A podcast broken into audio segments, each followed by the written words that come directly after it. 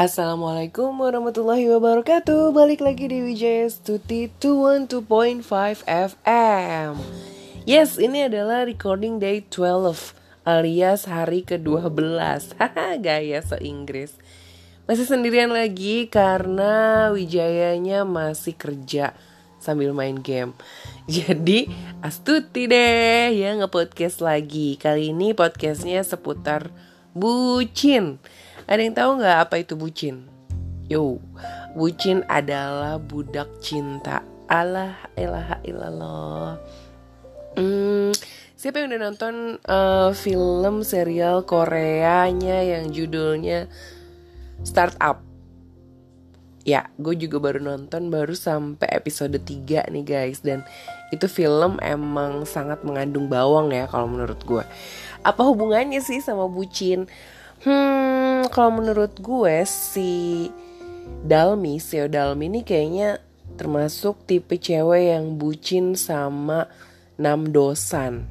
Ya nggak inget dong kalau kamu nonton dari episode udah nonton nih atau yang belum nonton gue kasih tahu di episode 1 tuh jadi uh, terjadi perceraian ibu bapaknya si Seo Dalmi dan akhirnya Seo Dalmi ini kan butuh yang namanya temen karena dia emang nggak sepopuler kakaknya jadi zaman dulu tuh eh jadi kakaknya tuh selalu dapat surat cinta dari si ini si itu tapi ditolak-tolakin. Sementara Seodalmi boro-boro dapat satu surat cinta pun sama sekali enggak. Uh, apa sih standar ya cantiknya orang tuh pasti berbeda dari setiap sisinya.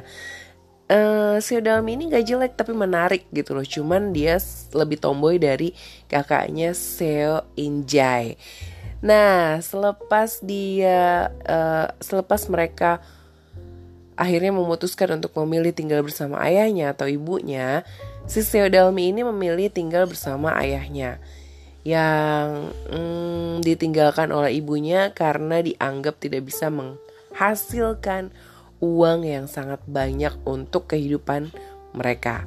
Nah, si Seo Dalmi ini sama si Seo, Seo Injai ini punya nenek. Neneknya nenek neneknya namanya siapa ya? Gue nggak inget. Pokoknya si neneknya ini tuh hmm, baik banget dan mandiri banget. Di usianya yang udah tua tuh dia masih jualan corn dog Sumpah itu bikin gue kepengen banget cobain sampai semalam akhirnya kita berdua pesen corn dog buat tahu apa sih rasanya. Oh ternyata seperti itu dan sampai kepikiran gimana ya cara buatnya gitu. Oh, soalnya setiap di episodenya itu tuh pasti ada corn dog ya iyalah kan si neneknya jualan corn dog. Nah udah udah kayak gitu bucinnya di mana? Lo pasti nungguin kan apa hubungannya tema bucin hari ini dengan si film startup. Nah si neneknya ini nolongin salah satu cowok yang namanya Jipeong yang kalau nggak salah tuh dia jadi kayak salah satu petinggi yang keren investor di sandbox gitu kan. Nah jadi uh, apa namanya tadinya tuh dia adalah seorang anak yatim piatu yang di dianggap sudah bisa mandiri sama panti asuhannya sehingga dilepas dengan hanya uang sebesar 2 juta eh 20 ribu won atau 2 juta won ya. Gue agak keder tuh kalau masalah ang nol di belakang angka satu atau duanya. Entah 2000 entah 2 juta. Karena dia nggak bisa sewa tempat tinggal makanya ketemu sama neneknya si Seo Dalmi ini. Akhirnya dikasih tempat tinggal tinggal di tokonya. Hmm waktu kejadian bapak ibunya Seo Dalmi bercerai Seo Dalmi kan otomatis jadi ngerasa kehilangan Seo Injai karena Seo Injae memilih untuk tinggal bareng sama ibunya yang gak berapa lama kemudian menikah dengan orang yang sangat kaya raya sekali. Hah, ini dia dimulai bucinnya. Jadi si Jipeong ini diminta oleh neneknya Seo Dalmi untuk menulis surat kepada si Seo Dalmi. Isinya adalah ingin berteman dan mengemukakan perasaannya oh oh dan ternyata ini adalah kesalahan total si neneknya yang membuat Seodalmi menjadi bucin bener-bener sebucin bucin ya bucin alias bener-bener budak cinta udah tutup hati gak mau buka hatinya buat siapa pun lagi kecuali si enam dosan ini. Padahal pada saat itu saat si Ji Pyong nulis surat buat si Seodalmi itu tuh dia cuma nulis berdasarkan nama orang yang ada di koran yang namanya Nam Dosan pada saat itu adalah juara Olimpiade Matematika. Hmm. Setiap hari, hampir setiap hari, mereka bertukar surat dengan Jipeong yang menulis dan dibalas oleh Seo Dalmi ditaruh di kotak burung, kotak surat yang ada kayak adalah kotak surat kecil gitu, tempat si neneknya naruh kunci dan di situ ditaruh surat. Selalu setiap hari Jipeong yang ngirim bales, kirim bales kayak gitu. Begitu juga Seodalmi. Seodalmi ngerasa happy gitu karena hatinya tuh kayak ada yang mengisi karena selama ini dia kan ngerasa nggak punya teman. Karena nggak lama setelah kejadian perceraian kedua orang tuanya, ayahnya Seodalmi ini meninggal dunia pada saat ingin memperjuangkan hubungan keluarganya kembali. Si ayah Seodalmi ini ketabrak mobil dan hampir memenangkan tender bisnisnya itu hampir diakui oleh CEO salah satu perusahaan tapi Ajal berkata lain dia meninggal di di sebuah bus dengan membawa ayam untuk anaknya Seodalmi. Sumpah bawang banget filmnya. Ah, kalau misalnya kamu mau nonton film itu belum pernah nonton, mau nonton film di episode satunya, kalau yang emang cengeng siapin aja tisu ya, karena kalau enggak uh, bakal bakal basah kasur kalian atau bantal kalian. Oke, okay, balik lagi ke bucin. Kenapa bucin si Seodalmi ini? Karena si Seodalmi ini tuh uh, kayak udah buta hati gitu. Apa-apa enam dosan, apa-apa enam dosan. Karena dia berpikir enam dosan itu adalah laki-laki sempurna, laki-laki yang bisa mengcover hidupnya, laki-laki yang bisa mengisi kesepian hari-harinya. Padahal dia belum pernah ketemu sama sekali sama orang ini.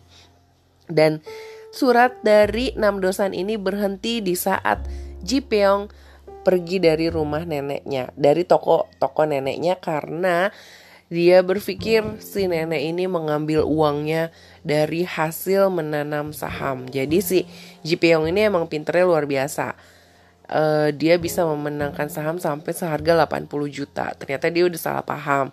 Neneknya Seodalmi itu nggak ngambil uangnya, tapi cuman ngambil uangnya dia dan dikasihin ke anaknya. Wah pokoknya di situ juga bikin bawang banget nangis. Terus gue nontonnya karena maksudnya oh ya ternyata kadang hubungan buruk seseorang tuh cuman karena buruk sangka atau prasangka yang seharusnya nggak ada gitu aja sih. Dah ya udah tuh.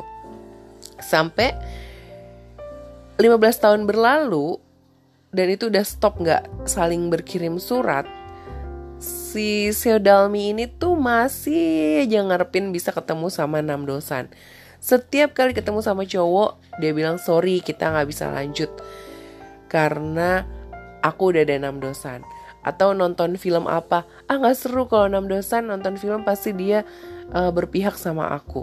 Oh kalau ini ketemu sama cowok ini enggak lagi pasti selalu enam dosan enam dosan enam dosan. Selalu kayak gitu. Nah bucin banget kan guys? Kalau kamu merasa ada nggak yang kayak gitu? Um, intinya sih sebenarnya kalau kamu mau dibilang bucin itu berarti kamu minimal punya gebetan atau punya yang namanya pacar kalau nggak ada ya nggak bisa lah. Terus kalau dibilang bucin juga kalau misalnya nih apa ya uh, baru juga pacaran tapi semua dibeliin ah inget nggak kasusnya yang bukan kasus sih kisahnya aduh gue lupa anak artis yang pacaran sama orang udah ngehadiahin mobil seharga satu miliar. Terus putus di tengah jalan.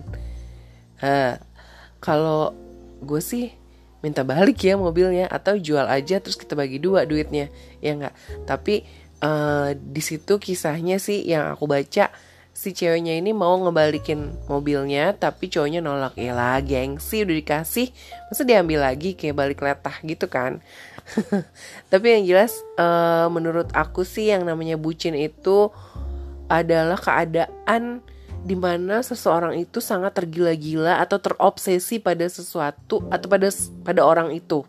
Jadi apa pun akan dilakukan untuk membuat orang yang diobsesiin sama dia itu bahagia atau seneng tanpa mikirin diri sendiri gitu loh. Kalau menurut aku sih hmm, bucin ini kurang bagus. Karena ya kalau misalnya langgeng ya kalau misalnya ternyata nggak langgeng gitu kayak yang tadi kisah artis itu apa yang terjadi. Nah kayak kisah yang si Sel Dalmi juga.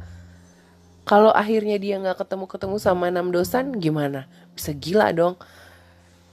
Eh pokoknya bucin itu menurut gue nggak sehat jadi kalau lo sekarang udah ngerasa mulai bucin stop jangan dilanjutin lagi karena itu nggak akan baik buat isi dompet lo dan isi hati juga pikiran lo. Oke. Okay. Dan coba deh uh, biasanya kalau bucin ini nggak mau denger apa kata orang lain. Yang ngeliat itu kadang kita sendiri nggak sadar. Tapi orang di sekitar kita itu biasanya ngeh kalau kita itu bucin. Jadi kalau ada orang bilang, kok kayaknya lo terlalu kayak gini deh sama cewek lo. Kalau lo terlalu kayak gini sih sama cowok lo? Coba deh ditelaah dulu jangan langsung enggak kok aku kayak gini gini emang susah sih apalagi kalau lagi di mabuk cinta. Nah itu mah emang sulit banget yang namanya buat uh, apa namanya uh, mendengarkan omongan orang. Tapi itu dia jangan pernah kita mencintai sesuatu itu 100% berikan saja 25%. Sisanya hanya pada Allah Subhanahu wa taala. Oke, hati-hati sama bucin karena bucin bisa mematikan dan menguras isi dompetmu juga membuat kamu gila. Oke, sekian dulu dari WJ Studio 212.5 FM. Selamat beraktivitas. See you when I see you. Bye.